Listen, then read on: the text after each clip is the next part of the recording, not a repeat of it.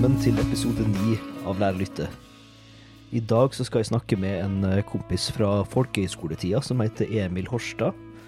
Han spiller da akkordion, som er for eh, oss uinnvidde da, en form for trekkspill. Um, og vi skal snakke om musikken til Astor Piazzolla. Om du har hørt navnet før, så kjenner du nok til at han er veldig sentral i tangomusikken. Men siden vi ikke bruker så veldig mye tid i episoden om å snakke direkte om tango, så tenkte jeg bare å ha en kjapp eh, innføring da, i eh, hva tango er, for eh, å sette det her litt i kontekst. da. Så tango er jo en argentinsk musikkform, men hovedsakelig så er det en danseform, egentlig.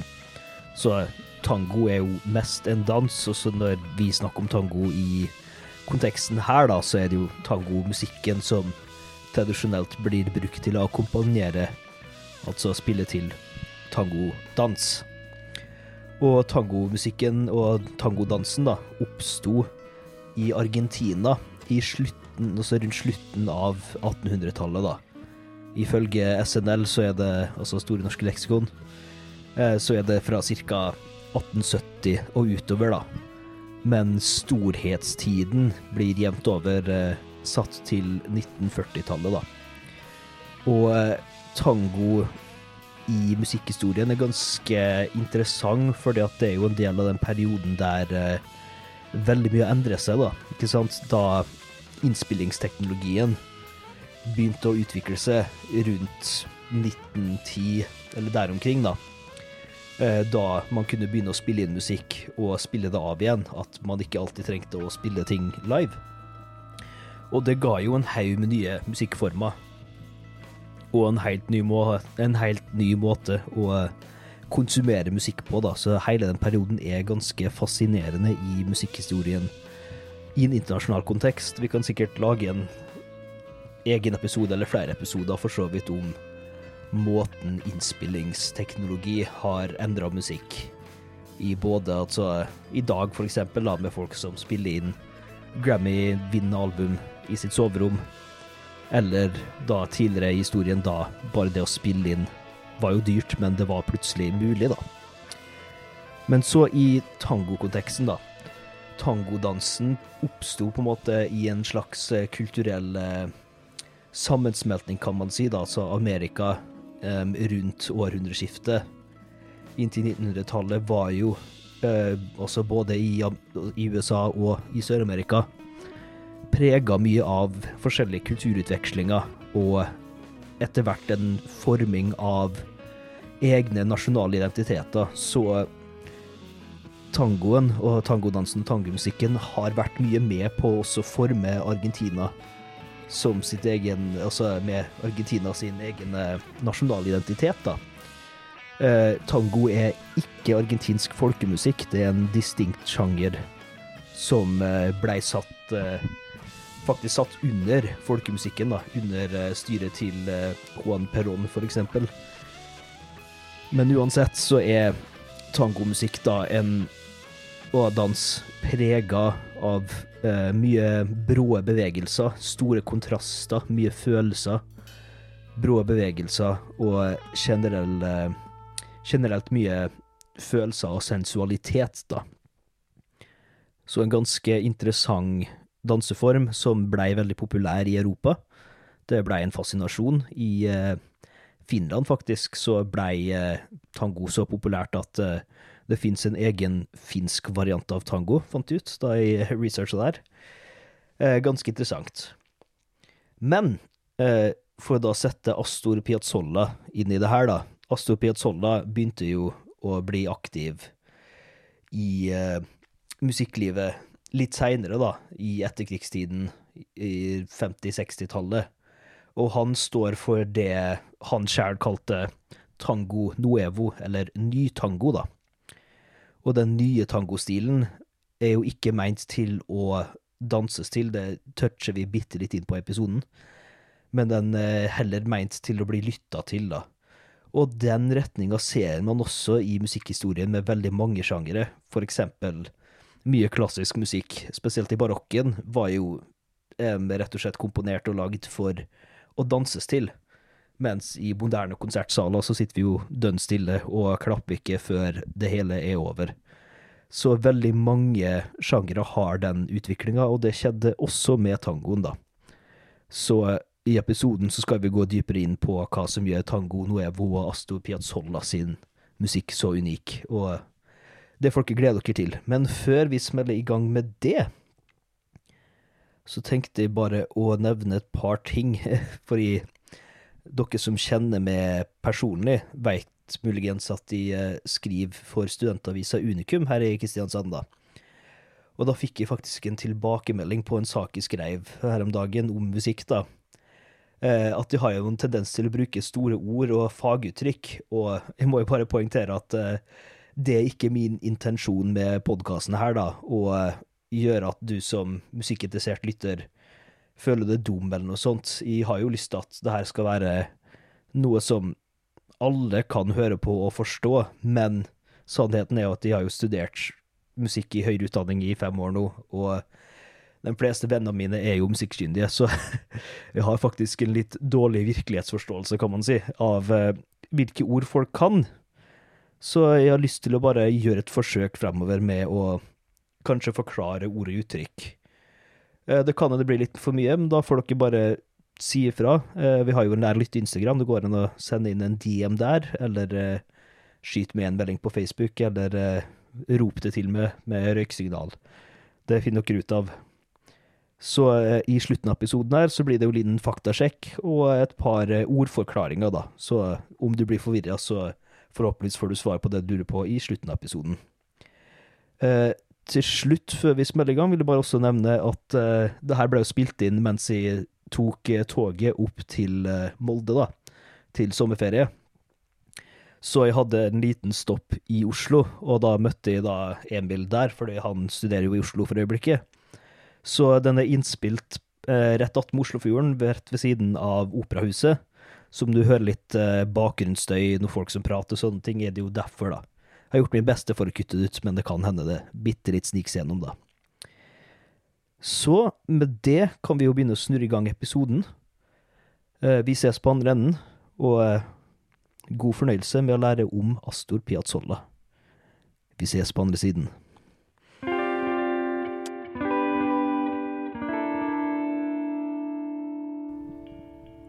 Er du klar, Emil? Må snakke inn i mikrofonen, da. Ja, jeg er klar. Ja, du er klar? Skummelt? Ja da. Voldsomt. Ja, ja. Da kan jeg ta den veldig kleine starten, som er hei og velkommen til Lær å lytte. I Takk. dagens episode så skal vi snakke om uh, musikken til Astor Piazzolla. Og med meg har jeg da min gode venn fra folkehøyskoletiden, Emil Horstad. Har du lyst til å bare fortelle litt om hvem du er og hva du gjør på? Ja, det kan jeg gjøre. Eh, kan gjerne holde den enda nærmere. Enda nærmere, ja. ja, ja for, som, sånn. for, det er sånn voldsomt flott vind her i Oslo i dag. Men jeg er da Emil Horstad, og jeg kommer fra eh, Naustdal i gamle Sogn og Fjordane. Det som før het Sogn og Fjordane, ja. Ja. Og eh, jeg spiller da trekkspill, og så går jeg nå på eh, på Norges musikkhøgskole, der jeg studerer musikkpedagogikk. Så nå går jeg eh, ferdig mitt tredje år. Og så eh, gikk jo jeg og, jeg og du på folkehøgskole, som du sier. Ja ja, for lenge siden. Ja. Back in the day. Og da spilte vi jo litt Piazzolla også. Ja. Og det var jo da spesifikt eh, kvintettmusikken eh, og de fire årstider i Buenos Aires, da. Yes. Men eh, det var jo du som satte i gang det prosjektet litt, da. Men eh, hvordan begynte du å høre på den musikken, da? Nei, det var egentlig mest av eh, læreren min på trekkspill når jeg var veldig rundt tiende klasse, tror jeg. Mm -hmm. Og da eh, fant han vel egentlig fram et eh, trekkspillarrangement av Adios Nonino. Ja. Eh, så der har jo vel egentlig linken min inn til Piazzolla, da. Mm. Eh, og siden den gang har jeg vel egentlig hørt en del på Piazzolla. Syns egentlig det er veldig eh, vakker musikk. Eh, intens musikk, da. Ja, men den er Ja, jeg syns den, den, fenger meg egentlig veldig godt. Og mm. Jeg husker, jeg syns det var litt morsomt når jeg begynte å høre på det i, på ungdomsskolen. Og det var jo det at eh, når vi liksom hadde noe satt og jobba på skolen og liksom hadde Spotify og hele pakka, ja, ja. så var det jo ofte at eh, jeg var litt sånn redd for at folk skulle se at jeg satt og hørte på Piazzolla. for alle andre hørte jo på kul popmusikk, mens jeg Ja, satt og hørte Litt, litt 50 Cent og Ja, sånne ja, ja. ting. Ja, ja. Så, uh, men uh, heldigvis så uh, står nå jeg litt mer for det i dag, da. ja, Absolutt. det er ganske spenstige saker, da. Absolutt. Men Piazzolla er jo kjent for å spille bandoneon. Og du spiller ikke bandoneon, men du spiller noe som for mange Mange tenker kanskje at det er det samme, men uh, kan du forklare forskjellen mellom trekkspill, bandoneon og akkordeon? Ja, det kan jeg. Ehm, det er jo egentlig bare ulike typer for trekkspill, egentlig. Ehm, og det vanlige trekkspillet det er vel det de fleste ser for seg. Enten det har pianotangenter eller knapptangenter. Mm. Uh, og så har du da akkordeon, som jeg da uh, spiller. Da har du ei eh, det vi kaller for melodibass. For på de fleste trekkspill så har du egentlig ei På venstrehanda så har du egentlig basstoner, og så Mm. har du akkorder på de ulike knappene. da. Så du har to rekker med basstoner, og så har du fire rekker med, med ulike durakkorder, mollakkorder, septimakkorder og dimakkorder. Eh, og så på et ak akkordeon da, så har vi ofte gjerne det vi kaller for en konverter. og Det er en knapp som gjør at når vi trykker inn den, så kan vi da spille enkelttoner på de Mm. eh, samme knappene som vi før hadde basstoner eller, eh, eller akkorder på. Og det gir jo oss på en måte mulighet til å spille veldig mye mer repertoar enn det vi Ja. gjør ellers på et Man kan jo spille ting som er litt mer pianistiske, da. Litt mer uavhengig i hendene, da, rett og slett. Ja, rett og slett. Og du har, du har større muligheter til f.eks. For, for at det, i de ferdiglaga akkordene i venstrehanda, de Ja. blir jo ofte litt sånn rigide. Du kan liksom ikke forandre så veldig mye på det. Det er Ja. det du har, liksom. Eh, så, det, så det er en litt annen måte å jobbe på. Eh, og, med, og dette er jo en ting som de begynte å liksom eksperimentere på med i begynnelsen av 1900-tallet. Så det er jo faktisk de siste 100 åra de virkelig har begynt å lage musikk for instrumenter. Så det, så det, det er veldig mye spennende. Eh, så har vi jo da bandoneon igjen, som er et eh, egentlig Jeg vil påstå et litt eldre instrument igjen, som eh, er vel ja, fra 1800-tallet eller noe sånt. Men det er jo eh, ja, tidligere utgaver av trekkspillere som på en måte ble mer stor i ja, i både Tyskland og, og for så vidt i Sør-Amerika. For det, de tyske produsentene skippa jo av gårde masse instrument og tok med seg til Sør-Amerika. Men den er litt annerledes uh, laga igjen, for der har du forskjellige toner inn og ut. Ja ja. Den, eh, du prøvde jo å forklare med systemet på Toneheim en gang, og Ja, ja, jeg fikk litt vondt i huet av å tenke på det. Men eh, altså ja for det er ofte det, det er også det er melodisk på begge hendene, da. Ja. Ja. Da har du rett og slett enkelttoner på begge Mm. hendene. Og det er litt morsomt, for de fleste som tenker på trekkspillet, tenker Ja. jo eh, De bruker jo ofte og Hvis de liksom skal leke at de har et trekkspill, så drar de liksom ut i begge hendene og inn, ikke sant? Ja. Og det er jo kanskje faktisk mer i likhet til et bandoneon, for Ja. der drar du på en måte begge sider. Det er jo kanskje bildet av Piazzolla, da, som Ja, for eksempel, som Ja. står med armene i hver sin ende. langt ut. Uh, altså, vi gestikulerer, men folk uh, hører jo ikke armene våre. Men uh, Ikke lik, likevel, da. Ikke sant? Og der har du da, da nå, eh, Du vet med en gang jeg begynner med trekkspill, da. Ja, ja, ja, ja. Det blir veldig mye Men- nerding, men sånn eh, Kanskje det mest dis... Eller ja, distinkte og distinkte har bandoneon eh, flere sånne stemmer, da. For på akkordeonen din så kan du jo bytte litt sånn forskjellige piper, så du har annen klang og sånn. Ja. Men bandoneon har vel bare én lyd, eller? Ja, der har du bare én Ja. lyd. Eh, så der òg er jo det en forskjell på de Mm. ulike instrumentene. Altså. Mm. Eh, men jeg vil gjerne litt, litt, litt tilbake til Ja, dette med, med systemet der. For det er jo eh, som sagt da én tone inn og én ut, litt Ja. som, som på et torader. Der har jo du òg enda et Mm. instrument. Trekkspillervariant. det er jo litt den norske varianten. på Ja, det, kanskje Ja, egentlig. Ja. Eh, men der er jo poenget at eh, på høyrehånda da, så Mm. vil jo du da få ett system inn, og så har du et helt syst annet system ut igjen. Mm. Og det samme er på venstresida. Du har ett system inn og ett ut. Men venstre og høyre er forskjellig også? Yes. Ja. og så er det Jeg har prøvd å liksom uh, sitte litt på dette systemet, og det er et Det er terk. Det er terk, ja. Eller jeg tenker Ja. de som kan det, det er sikkert fantastisk. Men det er ufattelig vanskelig å lære seg. Og, Mm. og eh, Piazzolla har vel sagt ved flere anledninger òg at uh, de som har lyst til å lære seg bandoneon de er gale, rett og slett. Fordi uh, Ja, det er liksom ikke bare bare å håndtere det, ja, rett og slett. men han fikk det jo til, han, da. Ja, men han begynte vel tidlig òg. Ja, vi kan jo hoppe inn på biografien hans, da.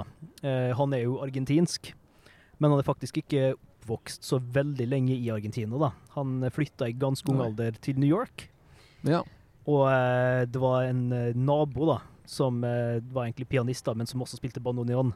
Det var han som ga han timer, da. Og eh, det gikk jo ganske fort, og så hadde han lært alt han kunne lære fra han, og så gikk det jo videre, da. Men Piazzolla ble jo en sånn stjerne i det tradisjonelle tangomiljøet, da. Og ja, vi burde kanskje hoppe inn på hva tango egentlig er, men eh, jeg har ikke researcha Ja. det så veldig mye, så jeg tror jeg tar det i introen. Eh, Ja, gjør det.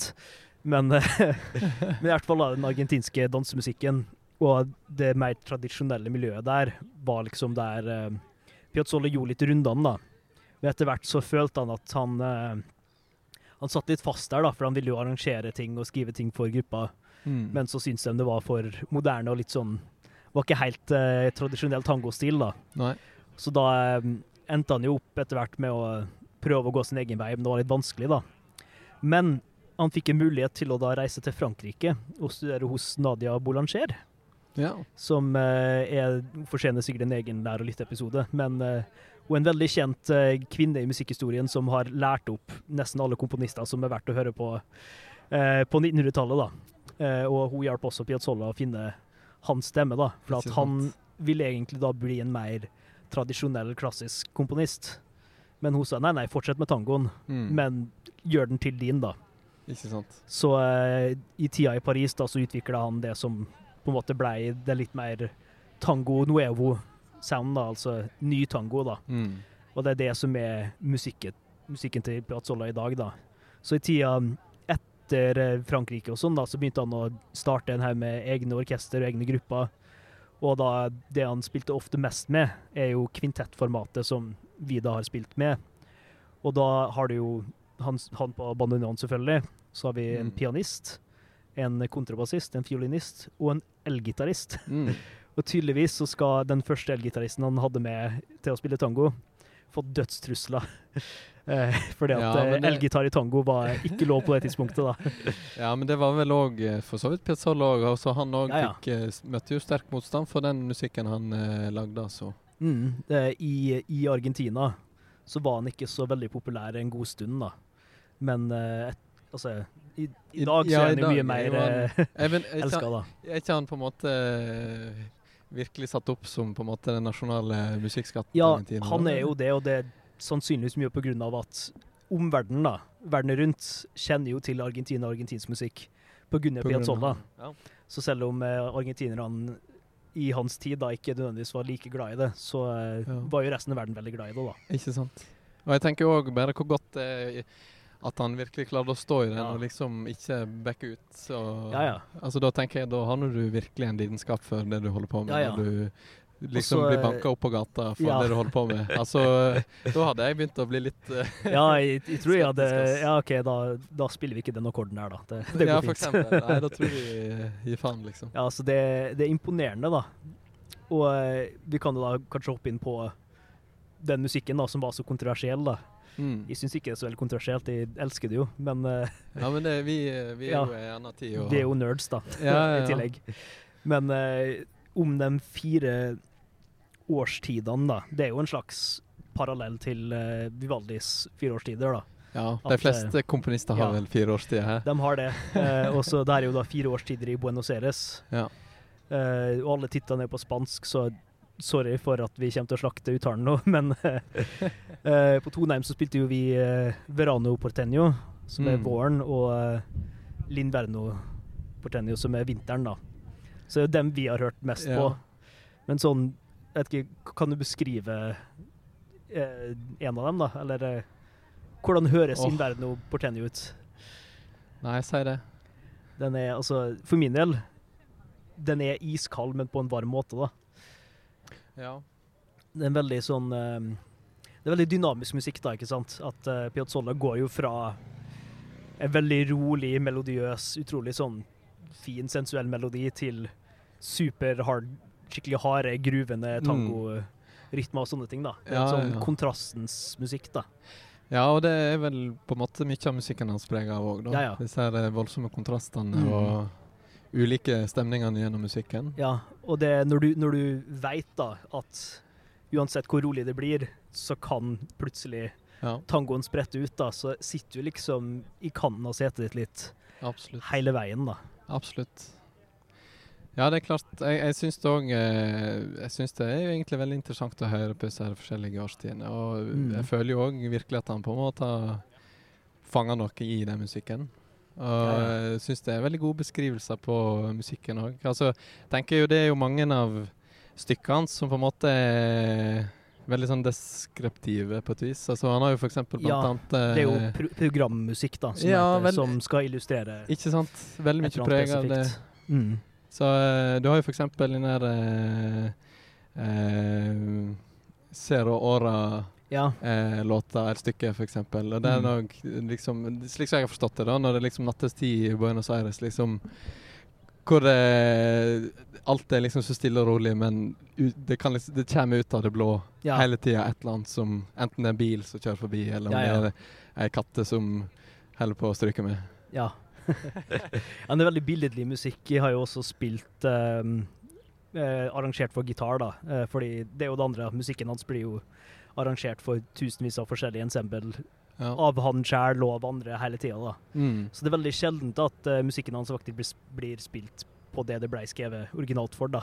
Nei. Men i hvert fall jeg har spilt uh, Le Muerte del Angel, som er jo engelens død, da. Ja, den er fin. Og eh, ma man merker jo uh, mot slutten der at det, det er jo et eller annet som dør der. Ja. sånn.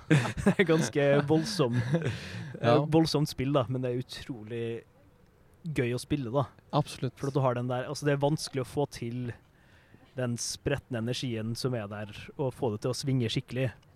Ja, Men, og så eh, og så det er gøy å prøve. Ja, ja, ja, absolutt. Og så tenker jeg òg dette å veksle mellom de Mm. ulike liksom, eh, karakterene og Ja, liksom stemningene gjennom musikken òg. Altså, Mm. Det er litt av en jobb. Og jeg tenker òg litt i forhold til den eh, sånn som vi jobber med det på Toneheim f.eks.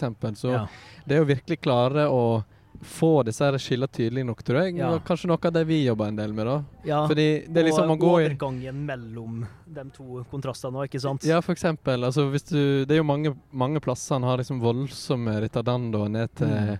Nesten ingenting, og så plutselig så skal det smelle, og så Ja. liksom i det rytmiske timet igjen. Og det Tempoet er utrolig levende, da, absolutt, absolutt. Og da må man virkelig eh, jobbe en del med liksom Mm. samspillet, og liksom være veldig bevisst på hva er det Ja, ja. som kommer, altså.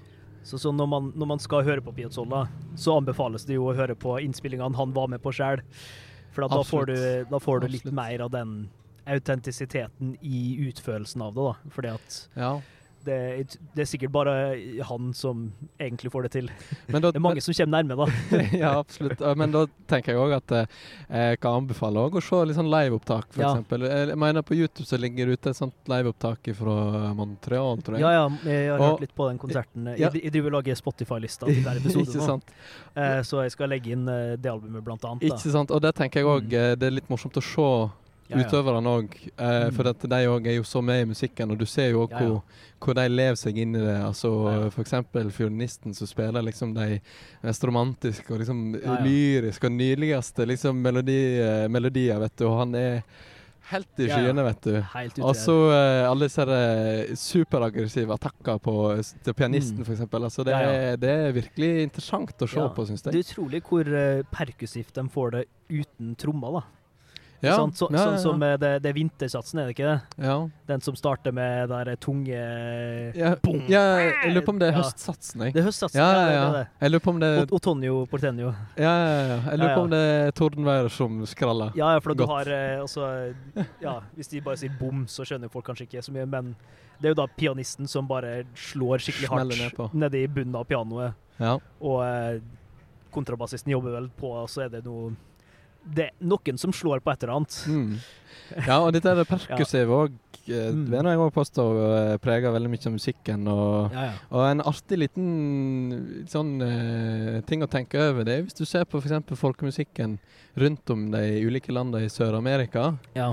så ser jo du faktisk at det er veldig mange av uh, veldig mange av landene som faktisk har med seg tromme eller trommespill Ja. fra Afrika. Ja. Men argentinsk tango derimot, hvor er trommene? Ingen plass. Ingen plass. Og hva er det de gjør istedenfor, da?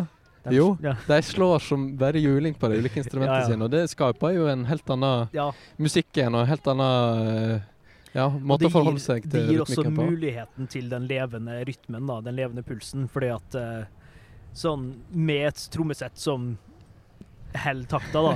ja. Det er jo utrolig kult, men det er litt vanskeligere å ha den store dynamiske svinginga mens du spiller en uh, duntzunk-anson Ja, det er klart. Det er klart. Men, får- men jeg tenker òg det handler også litt om eh, om eh, Og det å være litt bevisst på liksom det rytmiske i Altså det melodiske òg, hvis du skjønner. Ja, Altså, eh, hvis du hører f.eks. på kontrabassisten, altså det er jo ofte Mm. disse, disse bassgangene er jo de er jo nesten rytmiske som et trommesett, nesten. Altså i Ja, ja. måten jeg spiller på. Det er det som holder driven ofte. Ja, ikke sant. Og jeg Mm. tenker at eh, En kan jo liksom undre seg om om de på en måte har tenkt egentlig et slags trommespill inn i musikken òg, bare at Ja, de har jobba det inn i instrumenter. Ja, det ut. eh, Du har jo litt paralleller for så vidt til bluegrass-musikk, som Ja. også veldig ofte ikke har uh, rytmeseksjon. da. Nei, ikke sant. Nå har du mandolinisten som uh, spiller jo akkorder, men Er ikke det bluegrassens uh, ja, skarpe men det er bluegrassens skarpe, Ja. den spiller jo så kort og uh, aggressivt da, at det, det blir bare eh, sånn kantslag da, nesten, eh, Ja, på en skarptromme eller noe sånt. Ikke sant. Nei, så jeg tror det er, det er noe et Mm. veldig eh, Mye av det eh, Hva skal jeg si det, Kanskje det er mye av det som gjør musikk interessant, da, hvor perkussiv på en måte musikk kan jeg, være. jeg tror eh, sånn, For min del i hvert fall så er rytma i tangomusikken til Piazzolla det er kanskje det som er mest unikt ja, med sjangeren. da. Det er det du ikke finner så lett andre plasser. absolutt. Men du har jo også en del eh, appell når det gjelder melodiske ting og sånne ting. da. ja. Og der, der du også hører det klassiske litt mer i Piazzolla spesielt, da, at eh, sånn type Verano Portenio, da, ikke Mm. Det starter jo veldig polyfont, da. ikke sant? Mm. Og eh, polyfoni, for de som ikke vet det, er jo da når eh, flere, flere stemmer spiller litt om hverandre ganske uavhengig, da. Det kan, jo, det kan jo være en episode i seg sjøl, det. Det, det, det blir en Bach-episode også etter hvert. Eh, sant. Men sånn i, i den eh, satsen, Primavera Ja. Jeg sa feil, Verano er jo eh, en annen. Men ja, Vi er ikke så gode i spansken, jeg tror vi Nei. må jobbe med den. ja, det skal jeg lære. Men den starter jo med et tema som kommer på trekkspill, da. Og Ja. så tar fiolinen over, så kommer gitaren inn, og så spiller de jo alle linjer som nest, nesten ikke går eh, over hverandre, men det går over hverandre likevel. Ja, en Og så kommer bassen og pianoet inn, og så bare gruer det. Ja, det, det, en får jo veldig liksom eh, Mm. tanker til eh, fugene til eh, Ja, ja. ulike klassiske komponister. Som begynner på B. For ja, eksempel. ja, for andre. Men det, det er noe der, altså. For han gjennomarrangerer jo veldig mye, men så improviserer han jo også plutselig Absolutt. andre ting. Så det er en sånn veldig unik karakter i For det sånn, Klassiske musikere vil jo si at ja, men også Tolle er klassisk. Mm. Uh, Tangofolk sier nei, han er ikke tango. Ja. Men jeg tror alle vil egentlig bare si Piazzolla er Piazzolla. Ja. Ja, jeg tror òg kanskje igjen det at en av grunnene til at han har blitt så stor som han er. Så at det Mm. Musikken er jo liksom Han har liksom tatt utgangspunkt i så masse og Ja. laga et helt særegent uttrykk, altså. Det er jo Utgangspunktet er jo han og det han liker, da. ikke sant? Ja. Så han er jo selvfølgelig veldig intimt kjent med måten tradisjonell tango fungerer på. Det var jo hele starten av karrieren hans. Mm. Og eh, så har han jo også studert veldig mye klassisk og kombinert alt det her inn i et sånt der uttrykk som han bare Han jobba jo på Mm. hele mot slutten, altså helt til slutten, da. Ja. Han fikk jo eh, hjerteinfarkt på eh, første gang da han var sånn 50, på turné. Fortsatte turneen likevel, og Ja, holdt, jo, holdt jo på veldig lenge, da. ja, så fikk han vel hjerneslag òg på slutten, mener jeg. Ja, han fikk hjerneslag Ja. mot slutten av karrieren, så eh, han er jo dessverre ikke aktiv lenger. Men eh, han hadde jo blitt 100 år i år, Ikke sant? så det er litt derfor jeg har episoden her òg, da. Ja. Og faktisk, i anledning til 100-årsjubileet, så har jo NRK laga en liten eh, produksjon Eh, det er jo dirigert av Kristiansands egne Rolf Gupta. Ja. Eh, så, og det er jo NRK, så det er jo gratis. Ikke sant? Så anbefaler alle lyttere til å sjekke ut eh, den konserten, da. Absolutt. Men der har du jo eh, Tango for tre, som eh, spiller en del Mm. ting, da, pluss et lite knippe korkmusikere og litt forskjellige folkesangere og sånne ting. da. Ganske sånn Ja. fin, variert forestilling. ja, det er nydelig. Så det er Mm. gang vi absolutt anbefaler den, altså. Mm. Og så burde vi kanskje også eh, kjapt nevne Per Arne Glorvigen, da. Ja, ja, ja. Det er jo Norges Piazzolla-ekspert, på en måte, da. Absolutt. Absolutt. Det, han er ja, Magnus Carlsen av Ja, Ja, Av for å trekke, for å trekke parallellen. Ja. Ja, men det er gøy at vi har en nordmann som er vidt anerkjent da, innen Mm. den musikken. da, Og han gjør jo også veldig mye interessant eh, med å blande type piazzolla og mer tradisjonell klassisk musikk og sånne ting. da. Mm. Så eh, jeg skal legge litt av det i den lyttelista også. Ja, det bør du gjøre. Og, og der òg er jo det litt interessant òg, eh, liksom Litt som du sier, da. At Mm. hvorfor begynte han med bandoneon, og hvorfor spiller han piazzolla, liksom? Ja. Når du, for de fleste de har jo liksom hatt en lærer eller et eller annet som har liksom overført det, så det er jo ja, hvordan starta han med det, vet du det? Nei, litt Nei. usikker på. Kanskje det er han du må invitere på neste Ja, hvis de, hvis de blir så store, så si, si, si ikke nei til det. Ja, Ja, Det hadde vært magisk, det. sjansen.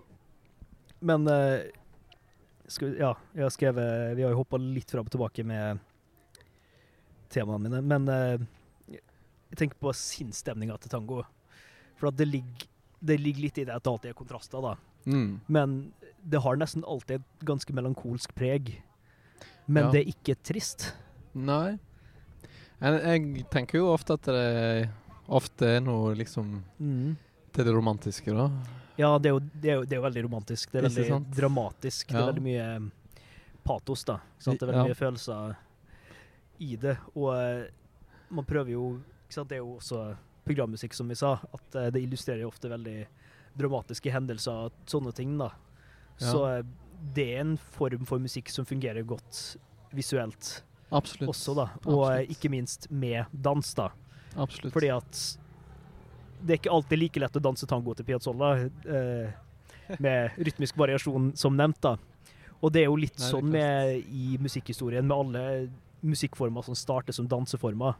Etter hvert som de modnes, så blir det vanskeligere og vanskeligere å danse til dem. Det var vel kanskje derfor han fikk eh, dødstrusler etter hvert òg. Ja, folk, eh, folk i danseklubbene eh, snubla, ja. Ja, det kan være. det. ja. Nei, det er klart. Nei, altså ehm, Ja eh, Nei, nå eh, Forsvant tanken. forsvant tanken. Men i den eh, NRK-forestillinga har de jo eh, litt, litt tangodans da, med i opplegget. Så ja, folk burde sjekke ut det. Men også for oss som utøvere, da, å se på tangodansere og liksom eh, etterligne litt den intensiteten når vi tolker Piazzolla, da, Absolutt. er jo eh, Det er der man finner det ofte, da. Ja, Det er sånn fysisk eh, Det er en fysisk intensitet i det, da. absolutt. Så må prøve ikke få oss en betennelse når vi Ja, det gjør det, da. Det er klart. Puste og PC og alt det der. Det er klart. Mm. Da tror jeg vi runder de fleste poenga. Si, Vi kan jo ta en litt sånn uh, lytteanbefaling-segment òg, da. Uh, fordi at uh, vi har jo hørt og spilt uh, to av de fire årstidene, da, så det er jo det vi er mest kjent med, kanskje. Men sånn hvis det er et par, eh, par eh, Piazzolla-satser du kunne anbefalt veldig sterkt. Å nei, det er jo så mye å velge mellom, da. Ja. Det er jo det, da. Um, Altså Libertango og Oblivion er jo ja, altså de tenker jeg er er kanskje overspilt på et vis, da. Ja, ja. Selv om det er nydelige stykker, det òg. Mm. Men så hvis du ikke har hørt på Piazzolla før så kan jo det være en fin inngangsport, men jeg tenker at det, Ja, ja. det er jo så mye annet å hente ifra. Mm. Uh, jeg føler jeg har laga en sånn lang liste på Spotify. Ja, ja.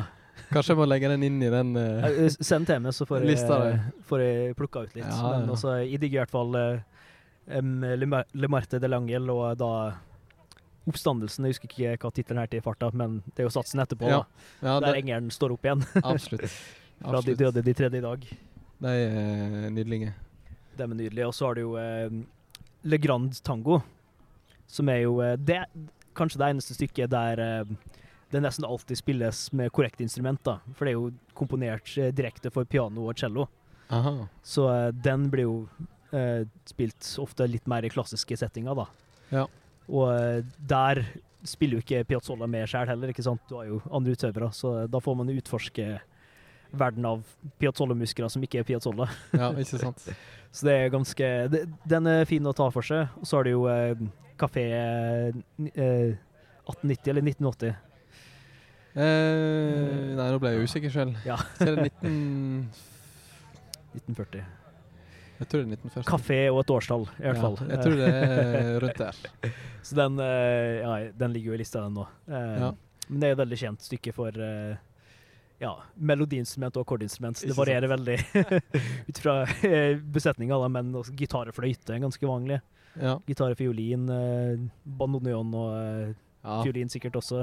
Ja, det er blitt gjort veldig mye, altså. Mm. Det er klart. Nei, jeg tror jeg skal smelle inn på noen favoritter inn på den uh, Mm. lista di, altså. Så Nei, ja. eh, det var litt eh, utfordrende å ta det på eh, Det igjen disse Ja. navnene som er Ja, ja. utfordrende å både uttale og huske.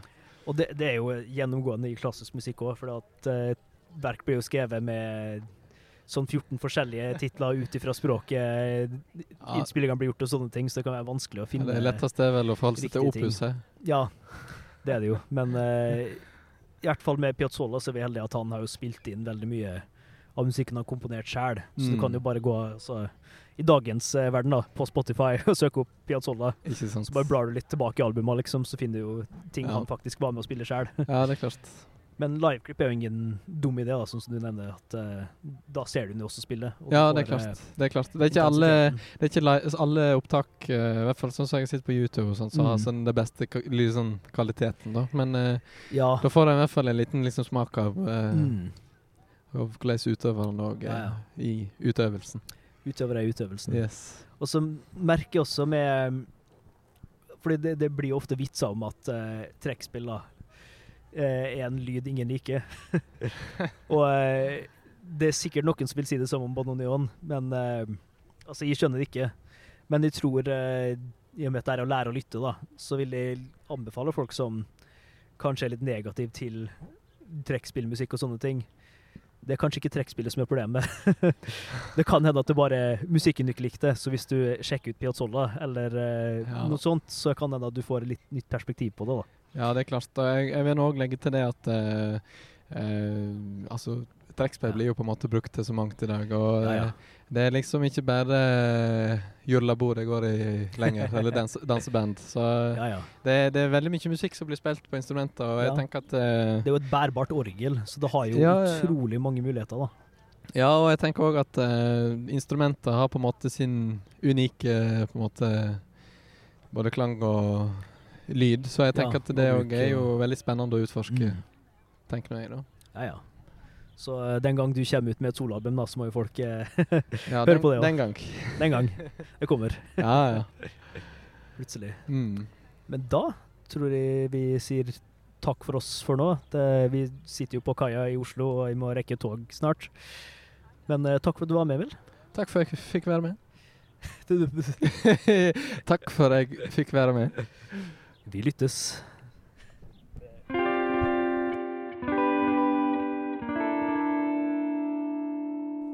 Lurer du kanskje på hvor det blei av dagens akkord?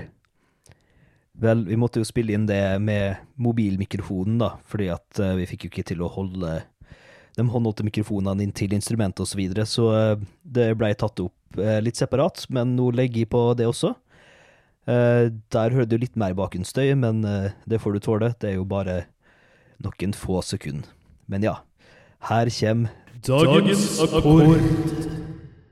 Så kan du, eh, mens jeg pakker opp instrumentet her, Ja. tenke på en, ja, et ord, en følelse, en tanke, whatever du vil. Så skal jeg prøve å illustrere det med en akkord. Så håper vi at lyden ikke er så for ille her ute. Ikke sant? Hmm.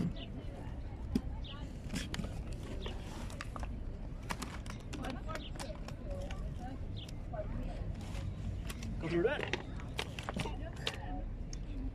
Nei eh, Skal det være litt temarelatert, da, så må vi vel si eh, bandonion, da? Bandonion med en, eh, med en akkord. Ja. Med en ustemt mandolin med plekter. Hva tenker du da?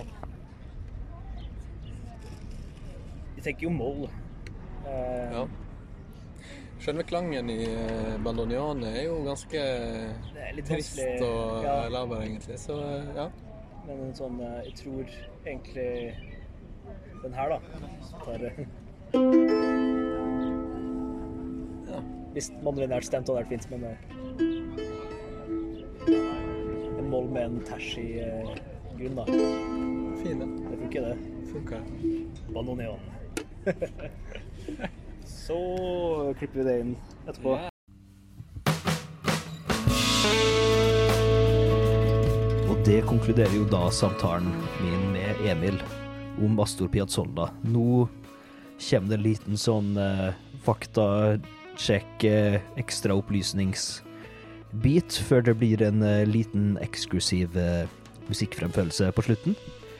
Så først vil jeg bare nevne sitatet han Emil nevnte med at eh, Piazzolla har tydeligvis sagt at folk som vil lære seg bandoneon er gærne. Jeg greide ikke å finne noe bevis på at det har blitt sagt, men eh, det han nevner med at bandoneon er veldig vanskelig å lære seg og systemmessig ganske interessant, det holder fortsatt absolutt vann. Neste så nevnte jeg jo også i løpet av samtalen Nadia Boulanger. Eh, Jeg får legge henne inn i lista over folk jeg burde ha en egen episode om, for at hun er en veldig viktig karakter i utviklinga av eh, spesielt den klassiske musikken i løpet av 1900-tallet. Og det skjedde jo veldig mye for dem som kjenner litt til klassisk musikkhistorie, da. Men kan jo bare nevne noen av elevene hun har hatt, for å se om eh, Eller ja, om eh, folk kjenner igjen noen navn, da. Eh, Blant annet har jo selvfølgelig undervist eh, Piazzolla, som vi snakka om. Du har også den ganske kjente pianisten og, og dirigenten Daniel Barenboim. Du har Leonard Bernstein, er jo veldig kjent. Han som er jo dirigent og komponist, skrev jo West Side Story, det kjenner jo veldig mange til. Du har den amerikanske komponisten Aaron Copeland. Du har Quincy Jones, som også for så vidt fortjene en egen eh, episode. En veldig kjent eh, amerikansk produsent har jo blant annet produsert Michael Jackson, da. Det er vel kanskje det han er mest kjent for. Eh, Du har Philip Glass, som er jo en kjent minimalistisk komponist, og har egentlig skapt en ganske særegen stil i det mer moderne, da. Du har John Elliot Gardner, som er en veldig anerkjent dirigent, og pioner da innen å spille tidlig musikk og barokkmusikk eh, i et forsøk på å være stilriktig etter datidens praksiser. Du har den norske Johan Kvamdal, for eksempel, og Geir Tveit. To norske komponister som også har tatt timer med. Ja, og så nevnte jo selvfølgelig Astrup Piazzolla. Så eh, Nadia Boulanger er en eh, dame som virkelig fortjener å bli huska i musikkhistorien som ja, sannsynligvis, dessverre pga. hennes kjønn, da ikke har fått den anerkjennelsen hun kanskje Eller ja, definitivt fortjener, da. Så må man også selvfølgelig eh, bare si litt unnskyld for eh, vår dårlige spanske uttale generelt i løpet av episoden. Ingen av oss snakker spansk, så eh, det blir jo litt vanskelig. Men eh, det var jo et punkt i starten her da vi snakka om de fire årstider, som er jo det vi har spilt, da. Og eh, jeg retter jo på meg sjøl i løpet av episoden, men eh, eh, den satsene vi har spilt, er da Primavera Porteño og Invierno Porteño. Og bare for å gå gjennom hva det betyr, da. Primavera er da våren. Og så vidt jeg kan skjønne med Google Translate som hjelper, da, så er Porteño da rett og slett Buenos Aires. Så Buenos Aires vår er Primavera Porteño. Du har Verano Porteño, som da er sommer i Buenos Aires. Otonio Porteño, altså autumn hvis du kan engelsk, da, høst. Og Invierno Porteño, som er da vinteren i Buenos Aires. Og så er det jo stykket som vi snakka om, som vi har spilt, da. Eh, La muerte del angel er jo da engelens død, og det etterfølges da ofte i konserter med Resurrection del angel, som er da engelens oppstandelse. Så da har vi jo lært litt spansk òg. Selv om det er ikke er en språkpodkast, så er jo det interessant, det. Så var det et par uttrykk da man kunne kanskje eh, forklare, i tilfelle folk ikke helt skjønte det. Eh, blant annet så har du jo uttrykket programmusikk. Og eh, det var en rådende tanke en god stund i klassisk musikkontekst her, altså, at eh, Altså, i barokken så skulle jo musikk hylle Gud, det var det generelle. Og etter hvert så blei mye av instrumentalmusikken eh, fjerna rett og slett fra noen som helst ekstern betydning, og veldig mange var Nei, musikk er kun musikk. Men så, i løpet av romantikken da, på 1800-tallet, så begynte jo mange komponister å skrive musikk som skulle skildre en bekk, for eksempel, da, eller et fjell. Så veldig mange klassiske musikkstykker fra 1800-tallet ut, utover, eh, vil rett og slett da ha programmatiske titler, som man sier, som da hinter til et eller annet naturfenomen ofte, eller noe generelt spesielt som musikken skal skildre, da. Så det er programmusikk, eller programmatisk musikk, blir også, også slengt litt rundt, da. Eh, vi nevnte også ritardando, som er jo et fagord for å rett og slett sakke ned tempo. Og eh, der sakka ned tempo, ha, see what I did there. Eh, og det motsatte er jo da accelerando, som er øketempo. Vi snakka også, eller vi nevnte også ordet opus, og det betyr rett og slett verk. I um, veldig mange klassiske komponister har jo skrevet veldig mye musikk, så i seinere tid har mange historikere rett og slett prøvd å kate kategorisere all musikken de har skrevet, da og satt i system, og gitt det opusnummer, eller verknummer. Så i eh, for eksempel eh, Mozart sine stykker, da, så står det ofte K, og så tallet etterpå. Og det er da opusnummeret, og K er da etternavnet på han som eh, kategoriserte det her, da. Så det er et par eh, ord. Eh, igjen, hvis folk lurer på ting, så bare send det til Instagrammen til Lær å lytte, så kan vi se om vi får eh, besvart noen sånne spørsmål, da. Hvis vi stussa også på det ene stykket, kafé, og så kom ikke på årstallet. For å være helt riktig på det, da, så er det en sats faktisk i en større rekke med sanger, da, eller stykker, som har da tittelen L'histoire du tango, som er tangoens historie. Og det vi snakka om, er da Kafé 1930, som er da en skildring av tangomusikken som ble spilt i kafeer på 1930-tallet, da. Og så følger resten av den samlingen tango i forskjellige kontekster. Så det er L'Histoire du tango. Det ligger i lyttelista til dagens episode. Så nevnte vi også den norske musikeren Per Arne Glorvigen og hans eh, status da som Magnus Carlsen av eh, Bandonion. Eh, han er i hvert fall veldig internasjonalt anerkjent, da, innenfor bandoneon, da, da særlig tangomusikk. Og jeg har ikke snakka med ham personlig, så vet jeg ikke nødvendigvis nøyaktig hvordan han eh, fikk en forkjærlighet for den musikken, men ifølge Wikipedia i hvert fall, som er jo alle veit en pålitelig kilde, så reiste han til Paris for lære, primært for å lære fransk, da, og så i den tiden der så ble han kjent med noen som spilte trekkspill, da, som eh, holdt på å lære badonion og da tangomusikk, og det er det som starta hans interesse. Og så etter det så gikk han på det første bandonion-studiet og reiste rundt og lærte etter hvert den musikken, da. Jeg legger jo til eh, noe musikk av Per Arne Glorvigen også i lyttelista, så det er bare å sjekke ut. Og det konkluderer jo da fakta ekstraopplysningsbiten av eh, ja, etterpraten, kan man si. Lær lytte etterprat. Blir kanskje mye prating med meg her, men eh, dere får si fra hvis dere ikke liker det. Uh, skal bare gå litt kjapt gjennom lyttelista for episoden òg, for jeg liker ideen med å lage en liste med musikk som man kan sjekke ut, som man man slipper å uh, drive og søke opp alt sjøl. Jeg har lyst til å gjøre det så enkelt for folk å lære å lytte til musikk. Uh, så først i den lyttelista, som vi skal lenke til i beskrivelsen, altså, Eh, Så starter vi jo med de fire årstidene i eh, Buenos Aires. Jeg skal ikke prøve å si den på spansk engang. Eh, De blei jo veldig sjelden faktisk framført alle sammen etter hverandre. Som interessant, så det er innspillinger fra litt forskjellige Altså det er litt forskjellige innspillinger fra forskjellige kontekster satt sammen, men uh, det er jo fine innspillinger alle sammen. Og da starter den jo med vår, så går vi over til sommer, og så er det høst, og så er det vinter. Min personlige favoritt er nok uh, vinteren, altså Invierno Portenio. Og så etter det så la jeg inn eh, altså Per Arne Glorvigen, da, som spiller L'Histoire du Tango, med en fiolinist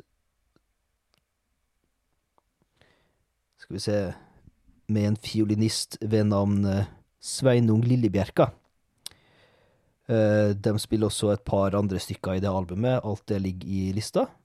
Så har jeg også tatt inn Le Grand Tango, som vi nevnte er da skrevet for piano og cello, så det er jo ingen innspillinger der Piazzolla faktisk spiller det sjæl. Eh, og da har jeg lagt inn innspilling med Catherine Stott og Yo-Yo Ma. Og så har jeg lagt til et eh, Eller noen utdrag fra et album, da, som ble gitt ut i anledning 100-årsjubileum, med diverse innspillinger av noen av stykkene til Piazzolla. Veldig mye fint der. Og så ligger det rett og slett eh, en hel konsert av Piazzolla. To faktisk hele konserter av Piazzolla har jeg lagt til, eh, som man kan høre på, og da er det jo han med hans kvintett, da. Så det er jo da altså piano, bandoneon, elgitar, kontrabass og fiolin. Og så til slutt er det et par ekstra stykker som Emil sendte med, som han ville skulle være med, da, for det var ganske viktig. Så det er de fire siste i den littlista. Så den ligger i beskrivelsen, det er bare å smelle den på og høre på. Vi skal også lenke til et par andre videoer eh, på YouTube, og sånn dokumentarvideoer av Piazzolla om Piazzolla. Eh, også den NRK-innspillingen som vi snakka om. Og eh, skal se om vi finner noen kule konsertopptak, da. Det er jo, som vi nevner, veldig gøy å se på. Han spiller også.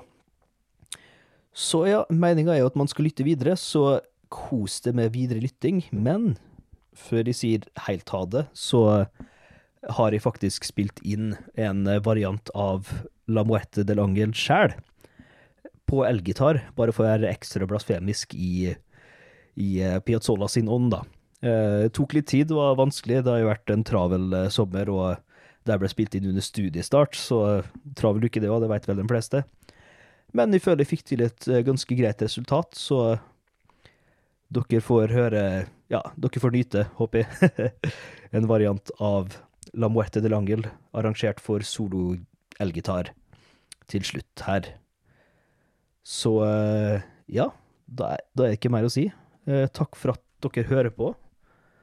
Vi ses i neste episode, eller vi lyttes.